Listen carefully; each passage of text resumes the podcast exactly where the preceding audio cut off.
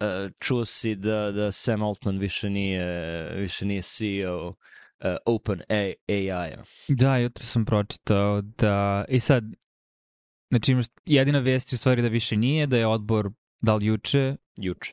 petak, da izglasao i da ono, elementi vrha, da, da postoje turbulencije unutar same kompanije, uključujući i kako se zove, Grigori, nije, Uh, misliš na predsednika i co-foundera koji je Da. podneo ostavku kada su izbacili Sam Altmana. Znam da su mu inicijali BG, a, a kako beše reseđen? ne, ne, ali bio je head researcha Go, njihovog. Grok je, Gro, Gorki, tako nešto. Da. Uglavnom postoje unutrašnje previranje i ono, barem možda smo uspjeli iz glasine ljudi poznaci navoda bliskih, uh, poznacima navoda um, izvori, uh, da je postojalo unutrašnji razdor u ideji koliko treba javno um, i ambiciozno da OpenAI skuplja sredstva za dalji rast, a da pritom um, mislim da priče su da je strah bio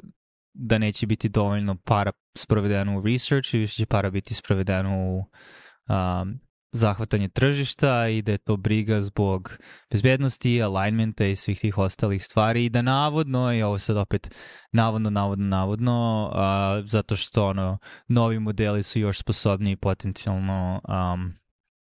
manje bezbedni i da jurcanjem a, jer malo jeste nekonsistentno da je on u prethodnih nekoliko nedelja samo imali su taj njihov keynote koji je ok bio blag, mislim ništa posebno, igrao sam se malo sa tim sub specijalnim GPT-ima, napravio sam neke svoje, mislim da je cool kao stvar, zato što onda nemam samo chat istoriju gde moram stalno nekada da ponavljam koja je svrha tog chata, tipa ono, ja sam lekar, ne moraš da mi objašnjavaš medicinski žargon i termine, slobodno možeš se služiš uh, kratkim stvarima kad pokušavaš nešto da nađeš. Um, ali sa druge strane, nije nešto preterano inovativno, ali sa strane korisnika je on, olakšavati interakciju sa samim sistemom, te samim tim broj ljudi koji je poč... usporio jako GPT u zadnjih nedelju dve dana. Hoće kažem, znači rađeno je to i onda on ono, sastao se sa Macronom, do- dovlačenje pare iz ono, bogatih evropskih porodica, šta god. A, tako da hoće kažem, jako čudno, barem ono što možemo da posvedočimo, da imaš znači, situaciju da CEO putuje, drži govore, skuplja pare, fond i onda u isto vreme odbor koji ga izbaci um, u roku od par nedelja. Jesi li vidio saopštenje odbora? Z- zašto su ga Nisam izbacili? vidio saopštenje, ne. E, bilo je kratko, ali su rekli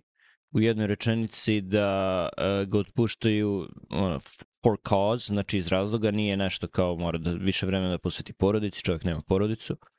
Um, mislim, ima, tu treba da stavimo jednu zvezdicu. A već zato što više ne mogu da mu veruju, Mm. Uh, i da ne mogu da budu uh, ne, ne mogu da imaju poverenja da će on da izvrši zadatke koji mu oni daju, tako da su ga zato otpustili, što znači da ih je lagao u vezi nečega, Mm. što znači da postoji neki konkretan, bar po njihovom saopštenju, neka konkretna stvar koja se desila u poslednjih nedelju, dve, koja ih je naterala da, da promene mišljenje, jer inače ne bi izašao sa, sa ovim Satjom Nadelom na, na tom keynote i pričao o njihovoj saradnji sa Microsoft, Microsoftom itd. itd. Mm. A ovo što si ti rekao u poslednje dve nedelje usporio se, Microsoft je rekao svojim zaposlenima da ne koriste više chat GPT, sad je pitanje da li zato što nije dobro da koriste ili da ne bi usporavali za korisnike koji plaćaju. Mhm. E, I što su pre dva dana prekinuli, ne, znači ja sad ako da. hoću, ako hoću da dam pare OpenAI-u ne mogu jer su prekinuli pretplate na, na, Da. Na premium verziju, na, na GPT-4 i, i te mini botove i te stvari. Tako da je pod jedan moguće da je to. E, pod dva moguće, sad izlačimo onu zvezdicu vezanu za porodicu, izašao je pre nekoliko nedelja ili možda mesec dva e, poduži tekst o, o Samu Altmanu i njegovoj sestri, rođenoj sestri koja je, e,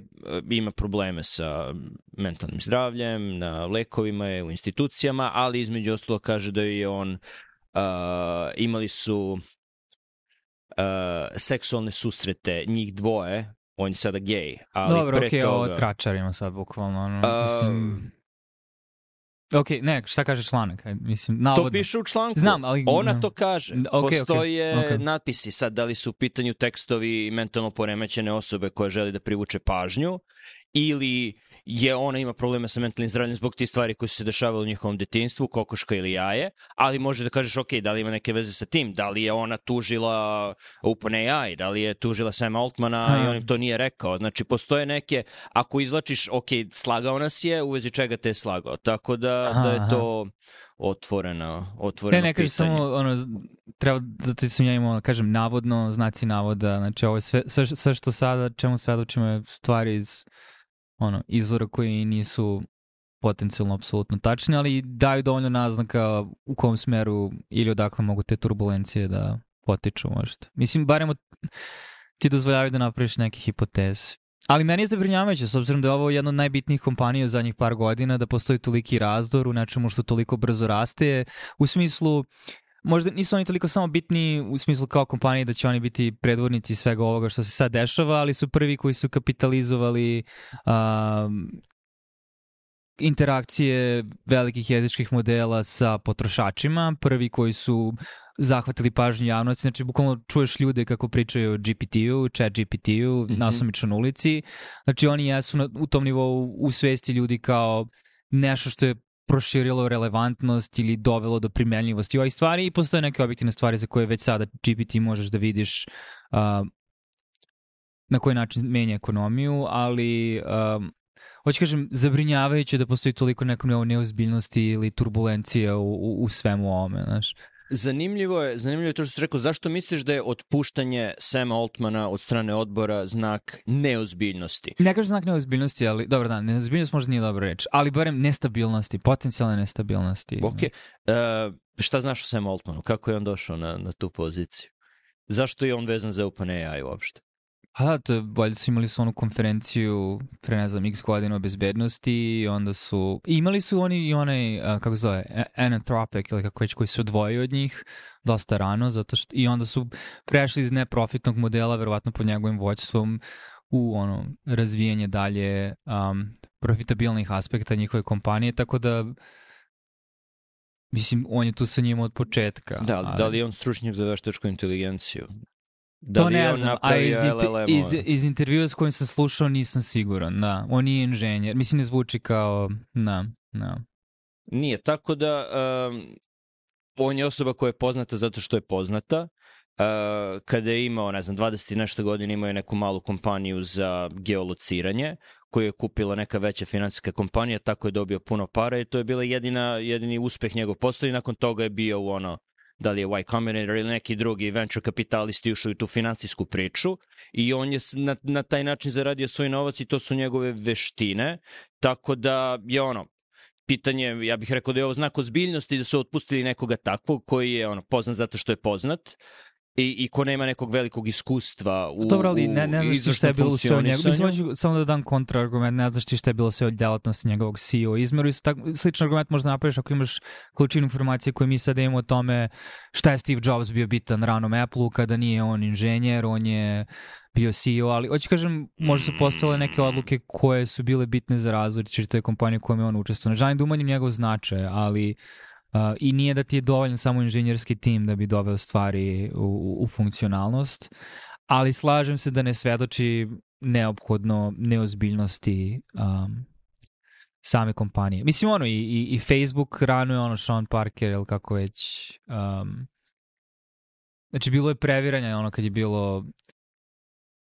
davanje investicija, pa onda, ne, mogu sad kako je zvao prvi co-founder koga je Zuckerberg izbacio relativno rano i to nije bilo samo toliko kontroverzno jer Zuckerberg nije bio na Twitteru i postovao i promovi su sve to, drugi je svet u kome smo živeli. Brazilac, zove da. se Roberto ili da, da, Rodrigo da. ili da, tako nešto da, narod. Da. da. Tako da ću kažem, nije isključeno, znaš, dosta kompanija koji su postale bitni i dalje postoje, su imala svoja relativno rana ili previranja, samo što možda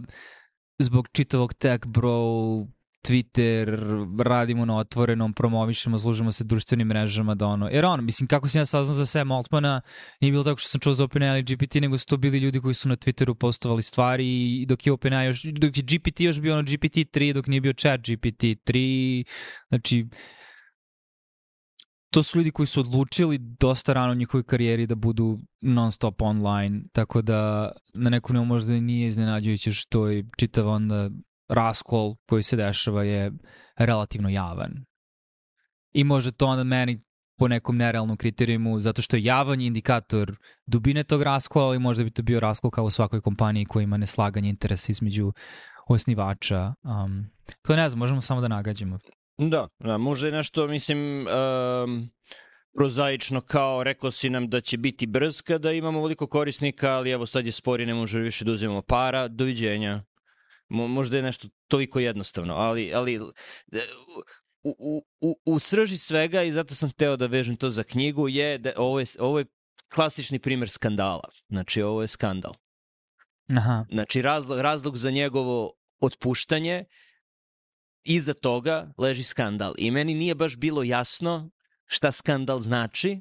I, i, i nisam... Skandal je tabloid u Srbiji koji se bavi praćenjem šta Turbo Fox veze radi. Ne. Da, ta, ta, tako ga se sećam, da, da, i, i ono, skandalozno i skandalizacija i... i Šokantno. A, da. Ali, ali on ima, ima, ima različite komponente koje mi je I see Satan fall like lightning knjiga, koju ne znam kako je taj stih iz Biblije preveden na srpski, ne, ne, ne sad Rene Girarda, pomoglo mi je da, da vidim, ok, aha, to je skandal, da li je skandal dobar ili loš, ne mora neophodno da bude loš. Neki, neki put je i dobro, neki put je neka doza skandalizacije i dobra za neke stvari, ali, ali problem postoji kada, kada ljudi žele da budu skandalizovani i to ne samo kupovinom tabloida koji imaju nazive tipa skandal, nego žude za informacijama koje će u njima izazvati osjećaj skandalizacije, skandalizovanosti i jedva čekaju da krenu da se natrpavaju na, na no, Twitter povlaka X, sada više ne toliko, ali na društvenim mrežama da, da zakopaju nekog uh,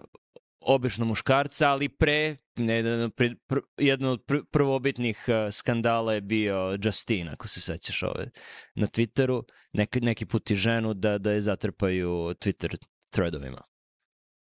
Da, mislim, ok, pričamo o knjizi, tražio sam kako je, videh satanu kako kao munja pade s neba. To je jedan od prevoda, znači prilično je jedan na jedan. Uh, René Girarda koji je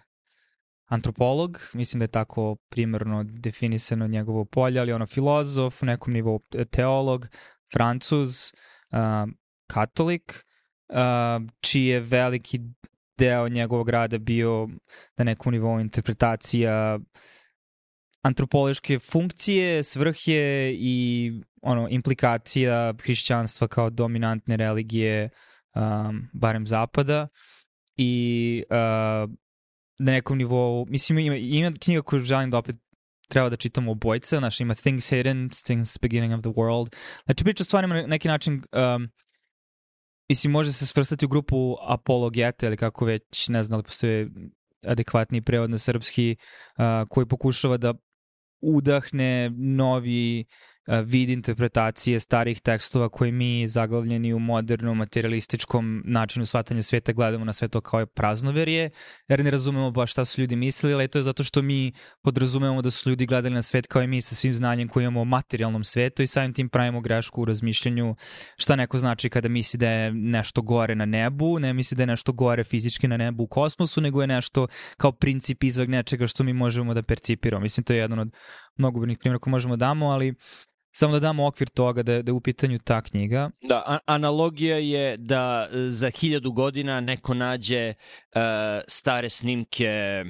velikog brata ili stare snimke srećnih ljudi, boljeg života ili čega god i da to da kao primer, eto, ovako su ljudi radili, ovako je bilo, ovo je ljudska civilizacija i, i, i po tome izlači neke, neke zaključke. Drugo, a da se vratimo na tu tvoju pojentu reči skandal je što smo izgubili ili promenili smisao mnogih reči služeći se njime i dalje vodeći ih kroz iteracije, tako da barem ovaj moment skandala koji ti podlačiš i koji je um, vidimo jedan od glavnih utisaka knjige um, je na neki način ono su, suženije, ono, skandal u nekom užem smislu, skandal u užem smislu um, opšteg društvenog konteksta i sablažnjavanja populacije povodom nekog događaja koji uglavnom prističe iz sukoba neke dve stvari. Da li sukoba opšteg mišljenja šta je dobro uraditi i onda neko postupi suprotno tome, a nije bilo očekivano ili sukob između dve osobe koji izađe na videlo, barem sam tako i ja video skandal u smislu kad je nešto skandalozno, ali skandal u širem smislu i čega ovaj termin potiče ili ovaj smisao potiče, ono, na grčkom skandalu je valjda stepenica ili kamen spoticanja, možda je to jedan od boljih načina za ono centralno značenje te reči, jer a, barem u domenu, i možda, možda ti sada prošliš malo, a, teorije a, mimeze, koja je jedna od glavnih doprinosa Žirarda o tome kako mi kao ljudi funkcionišemo i da je ono pohlepa nije najveći izvor motiva za nas, već zavist. Um, kako stavljanje objekta želje, um, identičnog objekta želje između dve osobe, u kojem njih dve počinju da se takmiče oko toga, ultimativno dovodi do skandala onog trenutka kada obe osobe su u poziciji da žele taj objekat za sebe u isto vreme i misle da mogu da ga imaju. Taj objekat ne mora da bude fizička stvar, mislim to može da bude reputacija u očima ljudi, može bukvalno da bude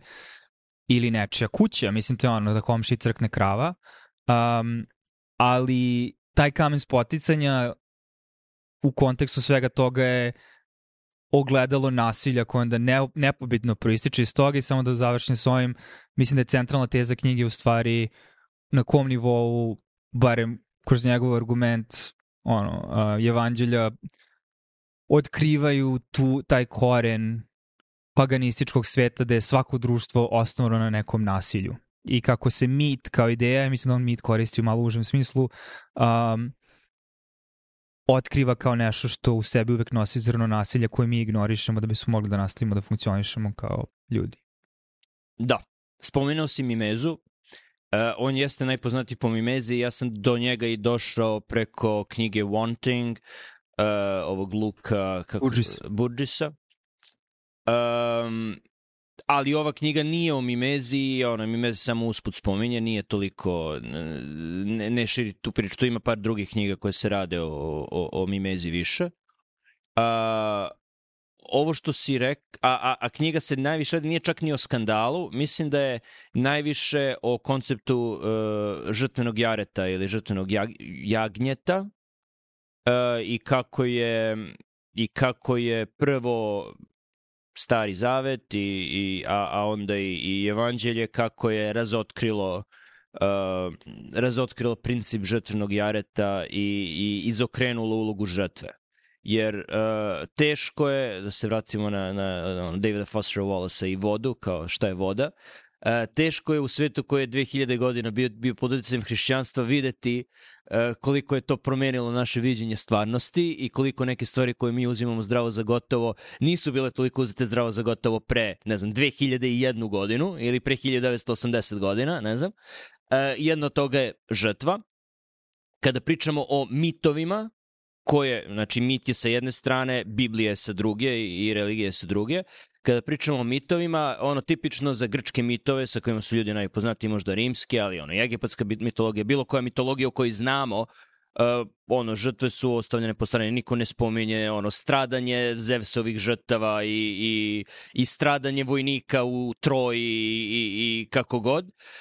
uvek se priča o herojima, ne, ne o njihovim žrtvama. To je sa jedne strane, a ono što je uh, Girard napisao u, mislim, ne znam da mi je to bila prva knjiga, ali prva poznata knjiga uh, stvari skrivene od početka zemlje, th mm. things hidden from the beginning of the earth, kako world, je na engleski, mm. beginning of the world, uh, je da, da su božanstva mitologijska u stvari poticalo od žrtava i da, i da su uh, ili od, od ili od žrtava ili, ili od ljudi koji su bili žrtveni jarići koji su ljudi krivili za bilo šta što im se dešavalo. Tako da ti uh, imaš, ne znam, zanimalo čudno da, da grčka božanstva tipa Zevs i ovo i ona i stalno nekoga ubijaju, siluju, nešto strašno se dešava i on ima tu teoriju koju nisam čitao tu prvu knjigu, tako da ne mogu dalje da komentarišem. Ima teoriju da su ta božanstva u stvari proistekla uh, veličanjem takvih likova, kroz ono proces uh,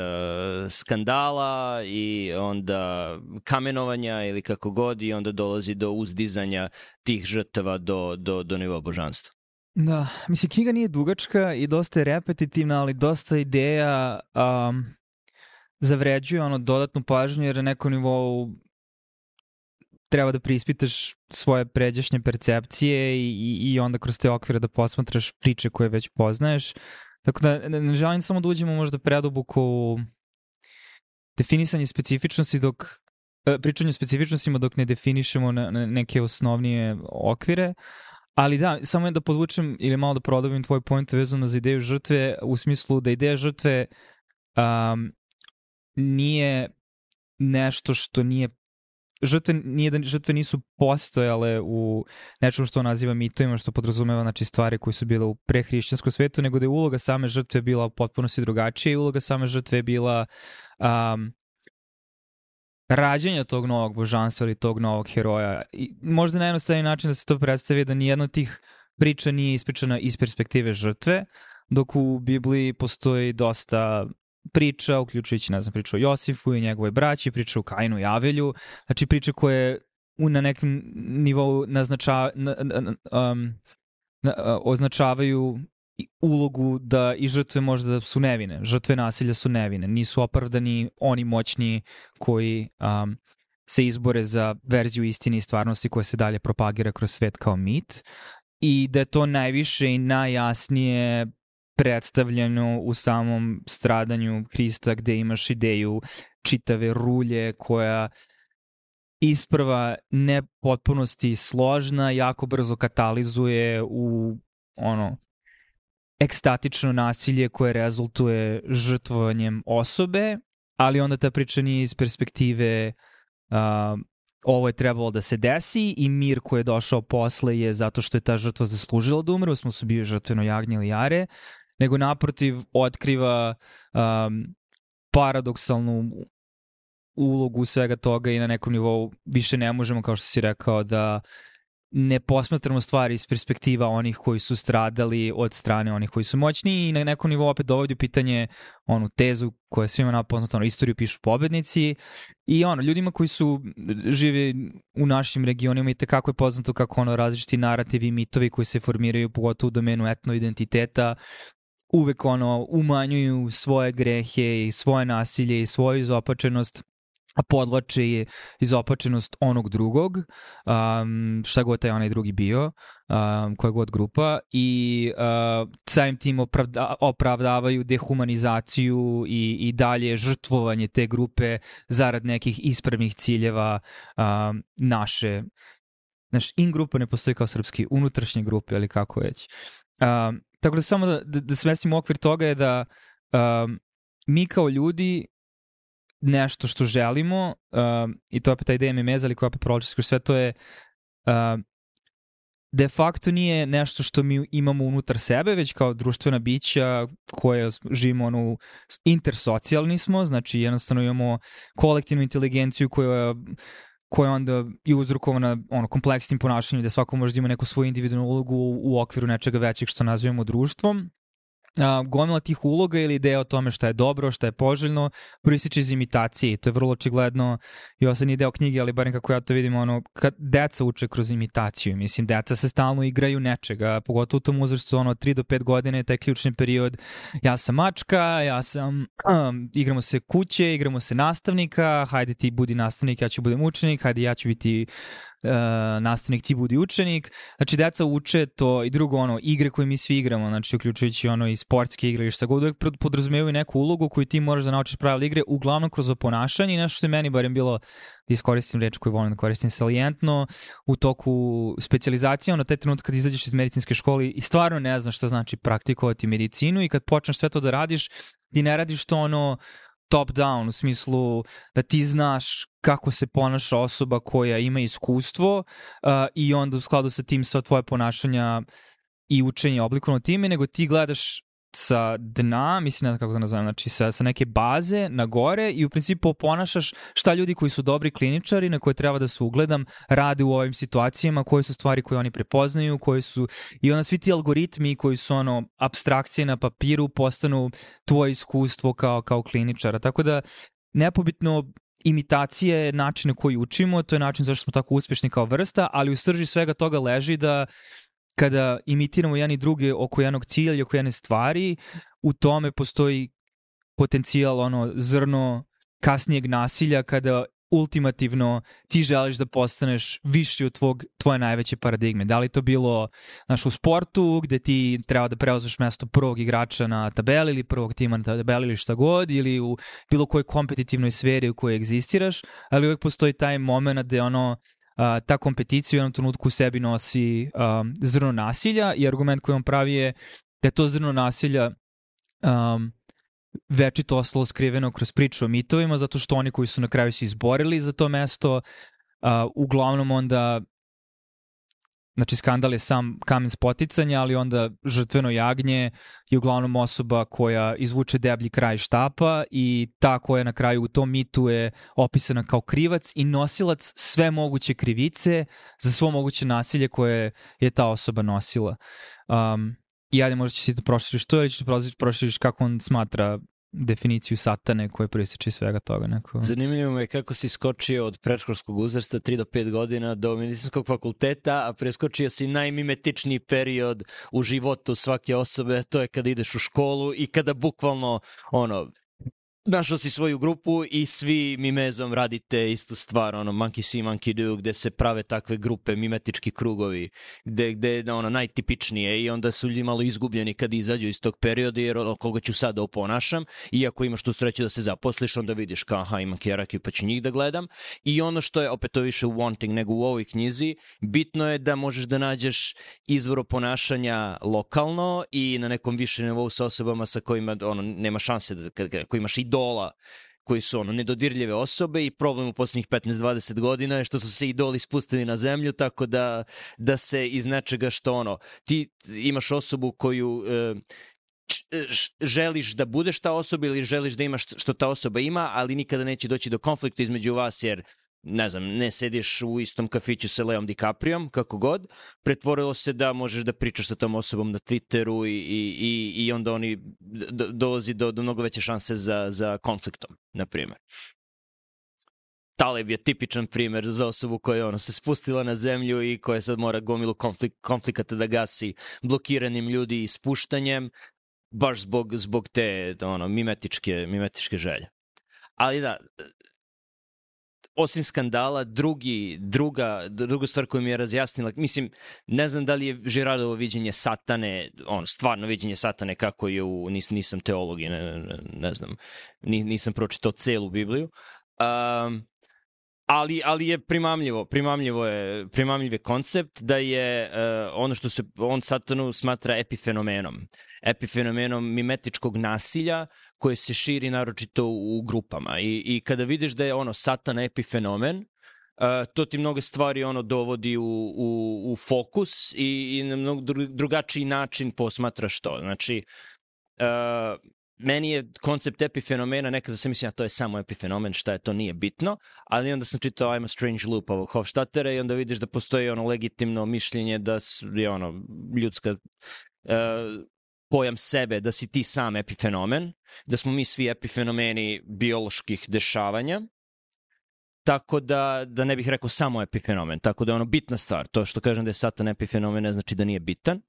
Ili bitna. Da, nije nus pojava, nego je nad pojava, mislim. Baš tako. Nije, nije ono neka sporedna stvar koju možeš da, da zanemariš, nego, nego je... aktivnost pojedinih individua kolektivno organizovano se manifestuje nečim, nekim višim principom koji onda opet možeš da primetiš i da opišeš. Da. I, i upravo je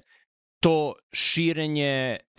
mimetičke želje koje dovodi do opšteg sukoba, to je, to je satana. I ono što je taj stih I see Satan fall like lightning, mislim da je poenta da, ono, spoiler alert, razapeće Hrista i ono, on je ultimativno žrtveno jare. kada on na kraju ne dođe do završnog stadijuma žrtvenog jareta, nego se vidi stvari iz njegove perspektive, iz perspektive žrtve, taj uh, taj uh, mimetički ciklus uh, se završava, prestaje i to je ono pad satane u smislu sada znamo, imamo alat da sprečimo širenje tih mimetičkih ciklusa. Samo da te nakratko, želim da ti dalje produbiš to, samo da podvučem i to je sad moment dvosmislenosti mnogih ovih stvari i možda mudrosti svih tih starijih tekstova, znaš da nisu ljudi nešto mnogo pametniji nego što su bili pre, znamo više, ali mudrost je nešto što može da podvučeš iz ono civilizaciju, civilizaciju, ali to je da a, i opet onda se oslovim na Chesterton o kome nikad nismo pričali, ali ideja toga da u hrišćanskoj tradiciji i, i, i teologiji imaš sposobnost um, dobrog balansa između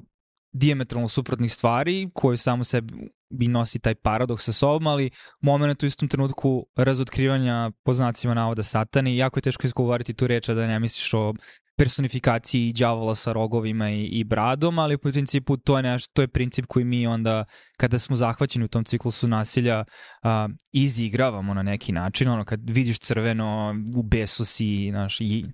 um, svi smo bili svedoci toga, pogotovo toga što se sad dešava sa, na Bliskom istoku, uh, na obe strane. Um, ali ono što hoću da kažem, u tom padu opet leži moment gde je satana pao na zemlju i gde uh, neminovno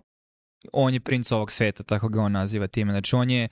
stvar koja nema telo, uh, ko, za koje neophodno, neophodno su ljudi da bi učestvovali u svemu tobe da bi se stvorio i kako uvek izbegne i opstane time što sakrije pravi razlog nasilja, da nije uzrok znači, naše nasilne tendencije koje mi mezom ne možemo da sami u sebi prelomimo, nego okrivimo nekog drugog, da onda u tom momentu gde se sva ta negativna um, energija koalescira ka jednoj žrtvi, nakon žrtvovanja te žrtve dolazi do smirivanja strasti i onda nakon toga društvo nastavlja dalje, novo društvo se stvorilo, ta žrtva je uzdinuta možda na nivo nekog paganskog božanstva, ali ne zato što je ta žrtva transcendentirala, nego bogovi su stvoreni time što su nam oni dali rešenje ovog problema jer smo izbacili tu žrtvu. Ono što kađe, ka, hoću kažem je,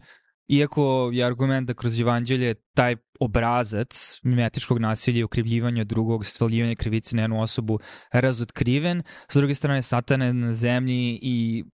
upozorenje da će se te stvari opet desiti. Da nije dovoljno samo naše poznavanje obrazca, jer u tome leži i, i možemo se dotaći kasnije, znači sam kraj knjige, paradoks svega toga je kada ideja fokusiranja na žrtvu bude preuzeta od strane nasilnih tendencija da i ti dalje možda imaš primetički sukobe, samo što je ona osnova toga ko je veća žrtva. Uh, upravo tako. I što je gore, uh, mislim, čitaš, čitaš ono poslednje poglavlje i poslednja dva poglavlja i ono gledaš kad je knjiga pisana ono početkom 2000-ih, može kasnih 90-ih. 99. Da, 99, kasnih 90 početak 2000-ih. I ono, možda je i tada to bilo relevantno, ali nikada nije bilo relevantnije nego sad, gde sada postoji kult žrtve, i, i gde se sa ni podaštavanje, mislim da najviše ono, u ruskim medijima i u ruskoj kulturi kao a, glupi zapadnjaci, kult žrtve, veličaju žrtve i tako dalje, pa mislim da, ali, ali to, to, to samo po sebi nije loše, vidjeti stvari iz perspektive žrtve. Po, problem je što onda uh, skup skup žrtava do, dozvoli sebi da se skandalizuju i dozvoljavaju sebi da krenu u, opet u mimetički ciklus i, i sve ponavljaju, a misleći da misle da su da je ono to je da su ono, oni jedine žrtve da su, ili jedine da, ispravne žrtve. Da, da, znači samo samo samo a, a nemaš onaj alat koji imaš ono iz evanđelja da, da onemogućiš to jer, jer e, ono, sama činjenica da znaš o tome dovoljno ti da kažeš a ne, to je nešto staro, nerelevantno o čemu pričaš gluposti. Ne, mi pričamo o liberalizmu, pričamo o idejama Ujedinih nacija, konvencije, ono, ljudskih prava i svega toga, dovoljno arogantni da ne shvatimo da je sve to poteklo, mislim, iz ideja civilizacije koja je osnovana na, mislim, filozofiji, teologiji, evanđelja. Da. Tačno tako. Tako da, da je, ne znam, malo je poražavajuće kad čitaš, uh, jer, jer ne vidiš, naročito sa onim što se dešava na, na Bliskom istoku i, i u Palestini, mislim, tačno vidiš, uh, ono, može da povučeš strelice od ovoga do ovoga mimetičkog ciklusa i, i, i šta se dešava i to je, to je ono. Da, I opet, znaš, sa te momenta ti kad razmišljaš, ne znam, o, neč, o ideji nečega što je kao otkrovenje i naš otkrivanje, mislim da to kaže things hidden, na nekom nivou on implicira otkrovenje i otkrilo to, revelation. Um, da je to ono proročanski događaj da ti materialistički predviđaš kakva će se definitivno budućnost desiti, umesto toga da ne shvatiš da ono kad neko kaže da su ljudi proroci, su ljudi koji su bili sposobni da uhvate neke društvene obrazce i da u glavi abstrakuju bitnije aspekte toga i da vide u kom sferu sve to može ići. Kao što i mi možemo biti mali proroci u smislu ako vidiš da, ne znam, aviokompanije vide da mogu da polako počnu da naplaćuju, da dajem jedan glup primer, da polako mogu da naplaćuju uh, ono, izbor sedišta i da su ljudi spremni to da naplate ili prtljag, s čime je sve počelo, nije teško biti prorok da za par decenija to može da prerastu to da bukvalno te naplaćuju sve moguće stvari i ono na kraju samo ono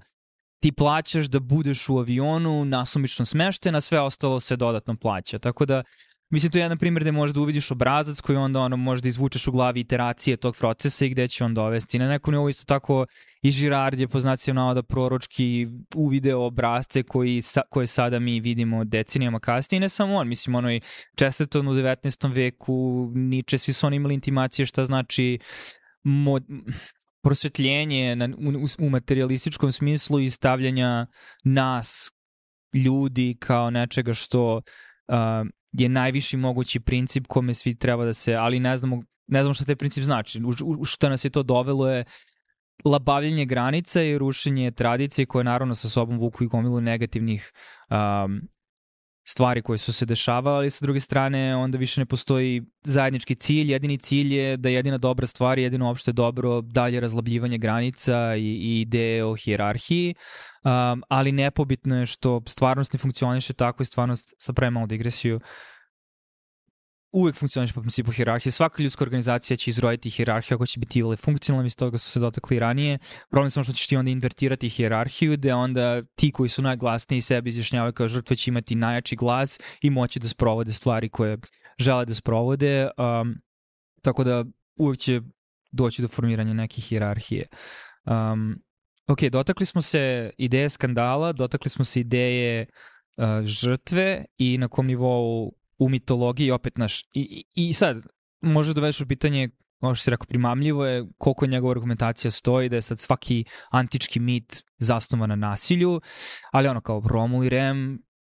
Rim je nastao time što je jedan brat ubio drugog, ne znam, Saturn jede svoju decu, Zeus je ubio svog oca, znači, e, postoji, barem ako ništa drugo, ono, opis naših tendencija da mi povređujemo jedni drugi u situacijama u kojima a, ljubomora ili zavist a, je motiv i opet oslanja se na ideju kako ono, kako je bilo, valjda, poslednje četiri zapovesti su ono, ne znam, ne, ne, ne čini preljubu, ne svedoči lažno, um, ne, ne ubi i onda na kraju je bukvalno ono kao poslednje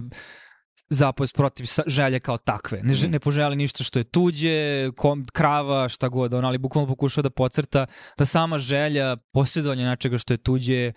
suštinski problem ako ćemo imati kohezivno društvo koje neće biti zaglavljeno u taj ciklus nasilja. Ne samo to, nego i u korenu svega onoga što stoji iznad. Znači, prva stvar je nemoj da ubiješ nikoga. Ok, ajde da vidimo zašto ljudi ubijaju jedni drugi. Ok, kradeš, pa ubiješ lopova ili je preljuba, pa ubiješ ljubavnika svoje žene i onda kad ideš tako niže, niže, niže, u korenu svega toga je želja onoga, ne, ne bilo čija želja, nego želja onoga ko je tebi blizak, želja da imaš nešto što ima komšija to, to, je, to je poenta i to, i to je u, u, u srži svega, ako, ako pratimo Žirardovo viđenje, viđenje te stvari. Ono što je malo, ne znam, nesreće u tome što je sve to zasnovano na hrišćanstvu i na crkvi i na religiji koja sa sobom nosi ogroman prtljag, no. Da. tako da je teško i mogu i lako da razumem nekoga ko ovo gleda kao ateista i kao nekoga ko je bio izložen, ne znam, Srpskoj pravoslavnoj crkvi no. Da. 90-ih sa osveštenjem tenkova, iz katoličke crkve sa pedofilskim skandalima, no. Da. sa ne daj Bože, haha, uh, protestantima i ono šta sve oni rade u crkvi, mislim da to je mislim, daleko od, od, da. od uh, pravoslavnog hrišćanstva. I to nosi taj prtljag i ono kako, kako možeš to da shvatiš ozbiljno. I tu je malo prednost Žirarda što se, postavlja se kao neko ko o tome priča van crkve, mislim njega je katolička crkva malo kooptirala, on jeste katolik ali nije teolog, on je više antropolog, povlaka filozof, tako da lakše možeš da sazvačeš i da svariš i da, i da vidiš da ima legitimne argumente. Na stranu, na stranu prtljag koji hrišćanstvo nosi sa sobom. Pa da, mislim, taj gorak ustima je nešto što, mislim, i ti ja nas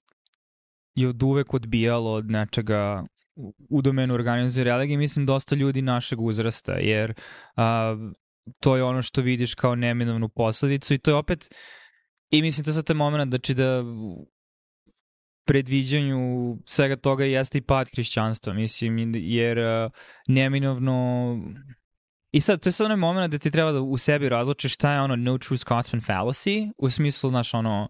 um, da li uopšte postoji ekvivalent na srpskom, ili, ali ono, kad pokušavaš da kažeš da je nešto ima određene karakteristike i ti kažeš pa da, ali videli, ne znam, da, da Škoti nisu, mislim, u True Scotsman fallacy je Škoti su ovakvi, Škoti su, vidio sam Škota koji radi ovo, kao pa da, ali on nije pravi Škot. Um, ok, pa dobro, ali vidio sam Škota koji radi ovo, pa dobro, on nije pravi Škot. Pravi Škot, i onda koja je, ko je onda? I to je isto taj moment, pa dobro, ali to nije hrišćanstvo, znaš, on kao, pa dobro, ali to je organizovana religija koja ima crkvu, koja ima autoritet na etničkom i nadetničkom nivou. Mislim, pravo crkve je to malo drugačije, jer su crkve etničke, nisu ono dalje, znači, usmerene ka jednoj centralnoj crkvi crkvi u Vatikanu, um, ali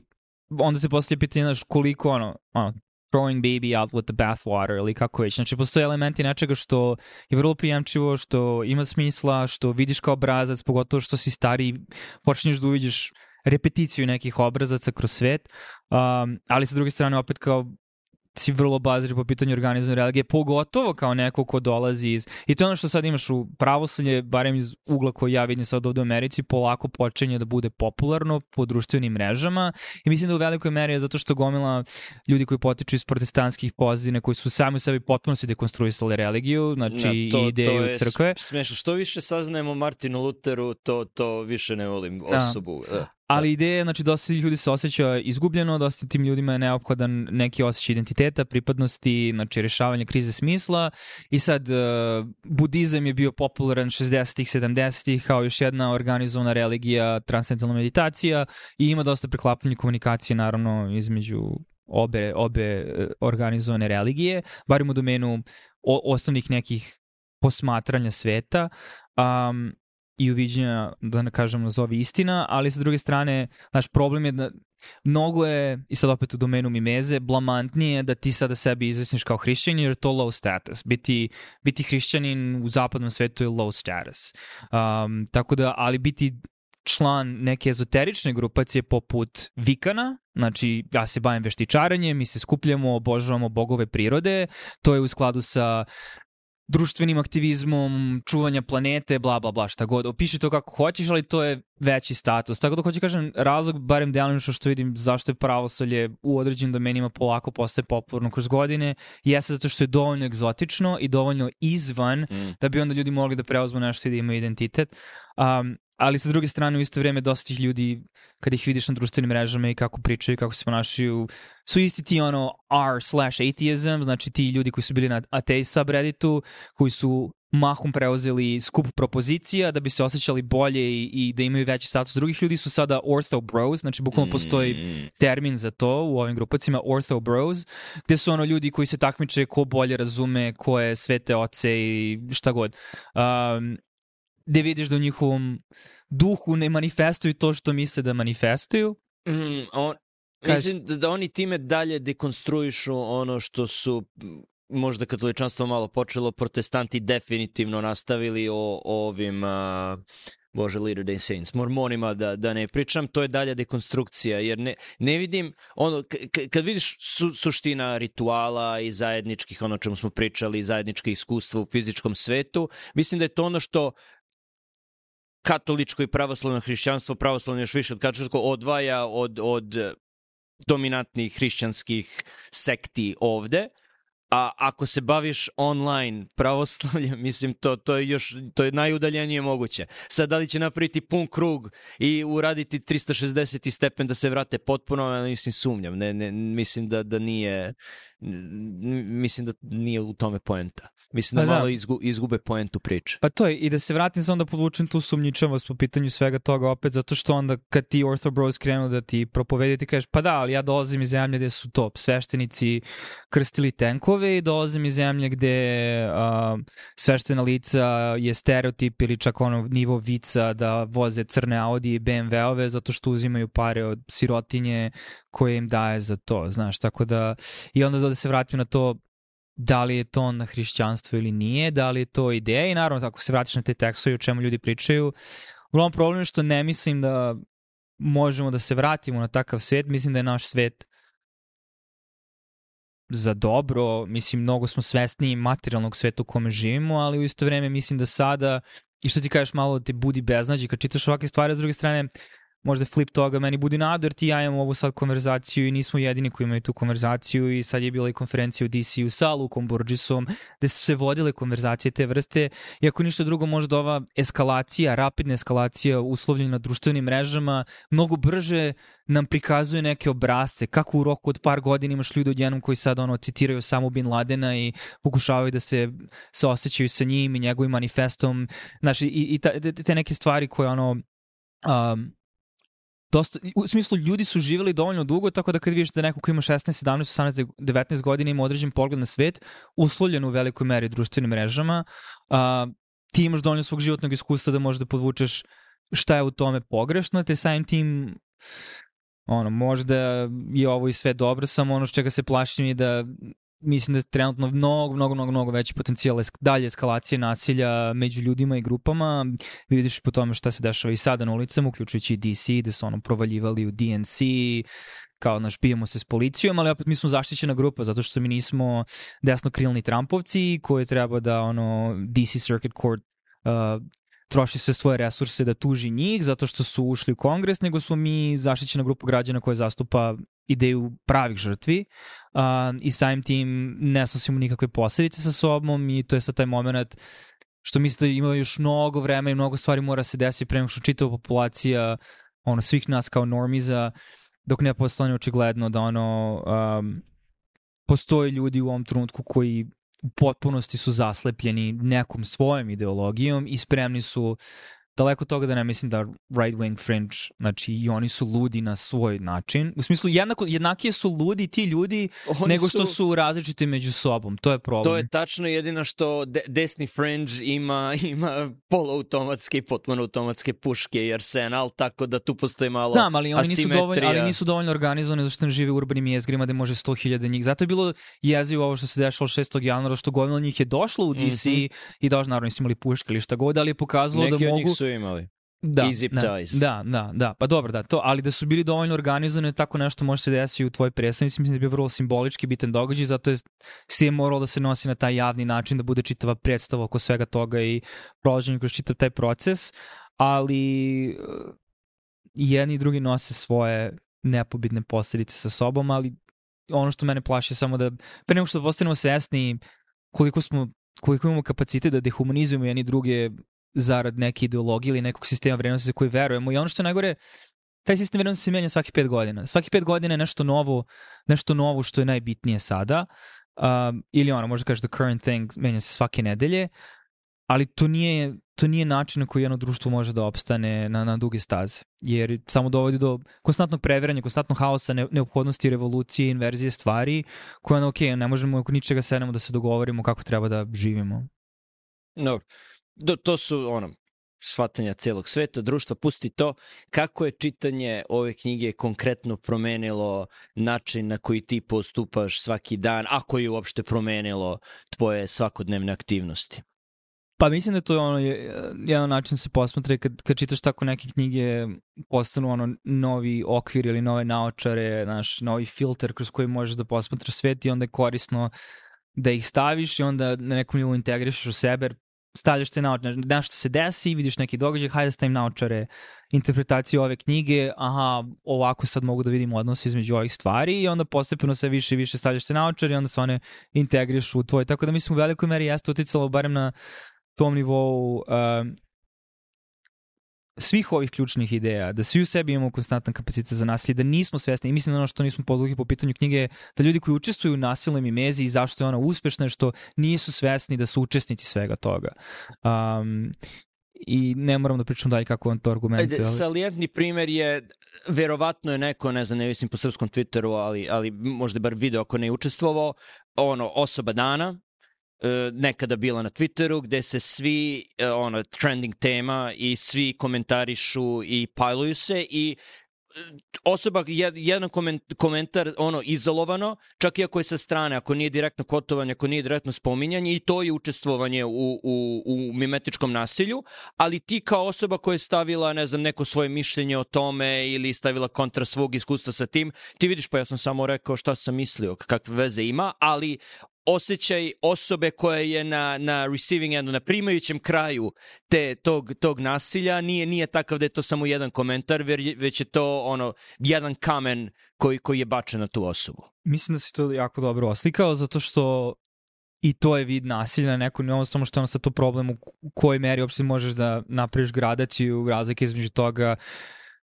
ali da ono, postoji onda pod skup ljudi u domenu koji će osuditi neku temu, znači kad bi pravio formulu, znači funkcija uh, kontroverznosti teme uh, i toga da postoje ljudi koji imaju suprotno mišljenje i onda u okviru ljudi koji imaju suprotno mišljenje koliko imaš fringe ljudi koji su i tekako spremni da se služe jezikom nasilja i onda koliko imaš ljudi koji su spremni da budu motivisani takvim jezikom da dalje sprovode nasilje i ono što je ključno zato što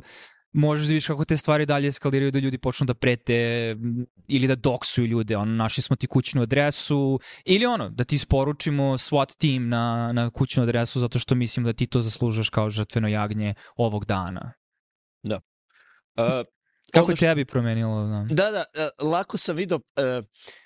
nekako imam, imam ja bar refleks, mislim da je nastavan, pošto sam to primetio kod nekih svojih predaka, neću da imenujem, da čim se nešto desi, tražiš u glavi krivica i da kažeš da li sam ja kriv, da li si ti kriv, ako si ti kriv, reći ti da si ti kriv i onda ću da, da nagazim na pedalu i da kljucam zašto si to uradio ili uradila i uhvatim sebe da to radim i ono prestao sam to da radim, ne tražim žrtvu, ali to je ono refleks traženja, ne, da, žrtve, ko, ko je kriv za ovo, ko je odgovoran za ovo, ko je, ko je ovo uradio. Mislim, to je, to je jedna stvar. I druga stvar je uh, ono osjećaj, blagi osjećaj uskićenja ako se desi nešto skandalozno, da ok, hoću više da čujem o tome, hoću više da saznam o tome, hoću da čitam o tome Uh, to, to sam, ono... Mislim da je to, da... To, da... Nikada nisam imao neki veliki nagon ka tome, ali sada sam ga definitivno ugasio. Mislim da nisi, da. Z, z, ono, u, u domenu svih ljudi koje poznajem, ti si definitivno ono, u niskim percentilima po pitanju nivoa uzbuđenosti. Mislim da to ima veze na kraju sa tvojim karakterom. Znači da nisi neko... Uvek si neko ko kad se uzbudi po ovom nečeg, uvek to mora da bude potkrepljeno sa mnogo više iskustva, podataka, um,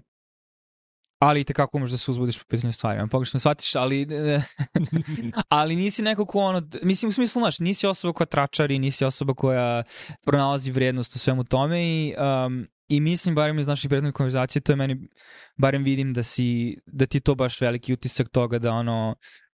pričali smo o ovom epizodu, ono, train wreck, znači kao, ono, desi se neka nesreća sad svi moraju da vide šta se desilo. I opet, problem sa svim ovim je što, znaš, ni, ni on ne pravi bilo kakvu valencu povodom Znaš, mimeza je tu, znači način oponašanje je tu, to, je način na koji učimo. Mislim, pozitivna strana svega toga je što to dovodi do kolektivne sinhronizacije gde svi možemo jasno da definišemo naše uloge u nečemu što je kompleksio nas samih i jedan dobar epifenomen, znači društvo koje ide u nekom smeru, koje, kojima ljudi žive bolje uh, kroz vreme, u kojem nauka kao nauka razvijamo, mislim, nova otkrića koje pomažu ljudima, ali ono, druga strana svega toga je isti te mehanizmi mogu biti u potpunosti preozeti nasiljem koje može bude apsolutno destruktivno,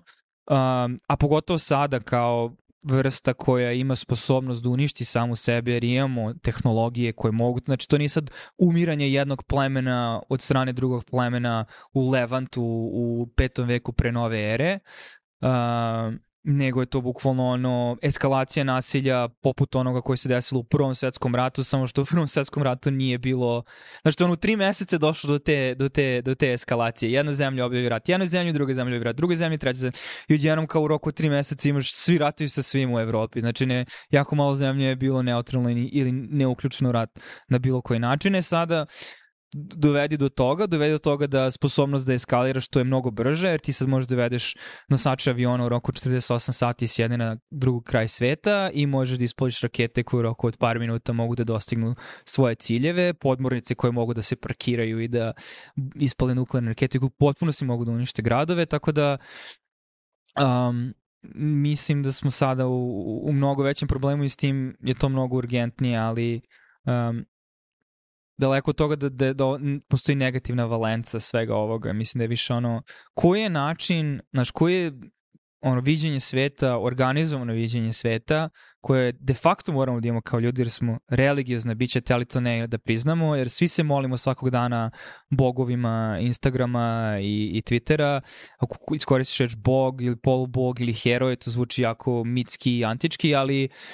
kada vidiš kako se fanovi Taylor Swift organizuju, kada treba da ono vrše nasilje nad ljudima koji imaju bilo šta loše da kažu po pitanju njihove boginje koje obožavaju nju u njenom hramu stadijuma spremni da plaćaju hiljade dolara da bi prisustvovali koji ono čiji životi i molitve, znači svakog dana se mole slušajući njenu muziku koja oblikuje njihovo viđenje sveta. I ti kako možeš da vidiš da smo ljudi koji jednostavno obožavaju. Ti i ja stalno pričamo o Jokiću i Nagecima. Mislim, znaš,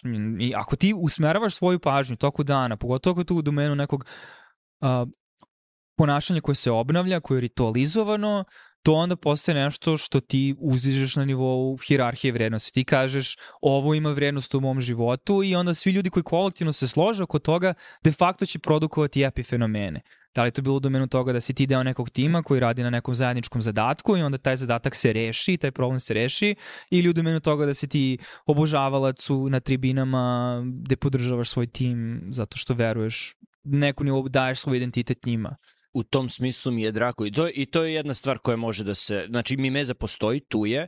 bar budi pametan oko toga koga oponašaš i šta oponašaš kod te osobe e, ili organizacije, tako da treba, treba da budemo selektivni u tome i u tom smislu mi je drago što, na primer, što su Nagici dobili, jer su oni primer tima koji da ima jednu jako dobru osobu, ali poenta je saradnja organizacija, oni svi rade zajedno na projektu Trala i Jokić ima ono 18 asistencija, on je napravio 36 poena sinoć, e, kontra svojih 26 koje, koji, koji u stvari dao. Uh, 36 plus, možda je nekad neka, no. neka asistencija bila trojka, ne znam. Uh, za razliku od, i drago mi je opet malo Schadenfreude ovde, uh, Sansa, koji su ono potpuno suprotni primer, hajde da uzmemo tri super plaćena uh, igrača i od toga da promo, da, koji nikad pre nisu igrali zajedno, da vidimo da li ćemo uraditi nešto od toga, pa ne, ne nećete, nadam se da nećete. Ili ima, ima to, je, to je bio default za NBA timove sad i nadam se da će drugi NBA timovi videti primer Nuggetsa i sad i da mimetički naprave svoju organizaciju. Tako možeš da se nadaš, a onda niže da ljudi kad kada prat, koji prate košarku da vide ono poentu saradnje, poentu dobre uigranosti, e, poentu kooperativne igre, a ne ajde da zakucamo što lepše možemo i da imamo svoj ono kratke snimke za, za TikTok i za, za Instagram koje ćemo da postavljamo, gde vidim da gomila košarkaša po ono srednjim i nižim klubovima, na primjer u Wizardsima, sigurno sam da je Kuzmi super, on ima svoj ono 5 minuta dobre igre koje će da postavi na svoj Instagram i to je sve što ga interesuje. Uh, i, I to je default za većinu, naročito američkih igrača. Uh, tako da ono, treba da budeš pametan. Mimeze tu, budi bar pametan oko toga uh, koga mimetički oponaš.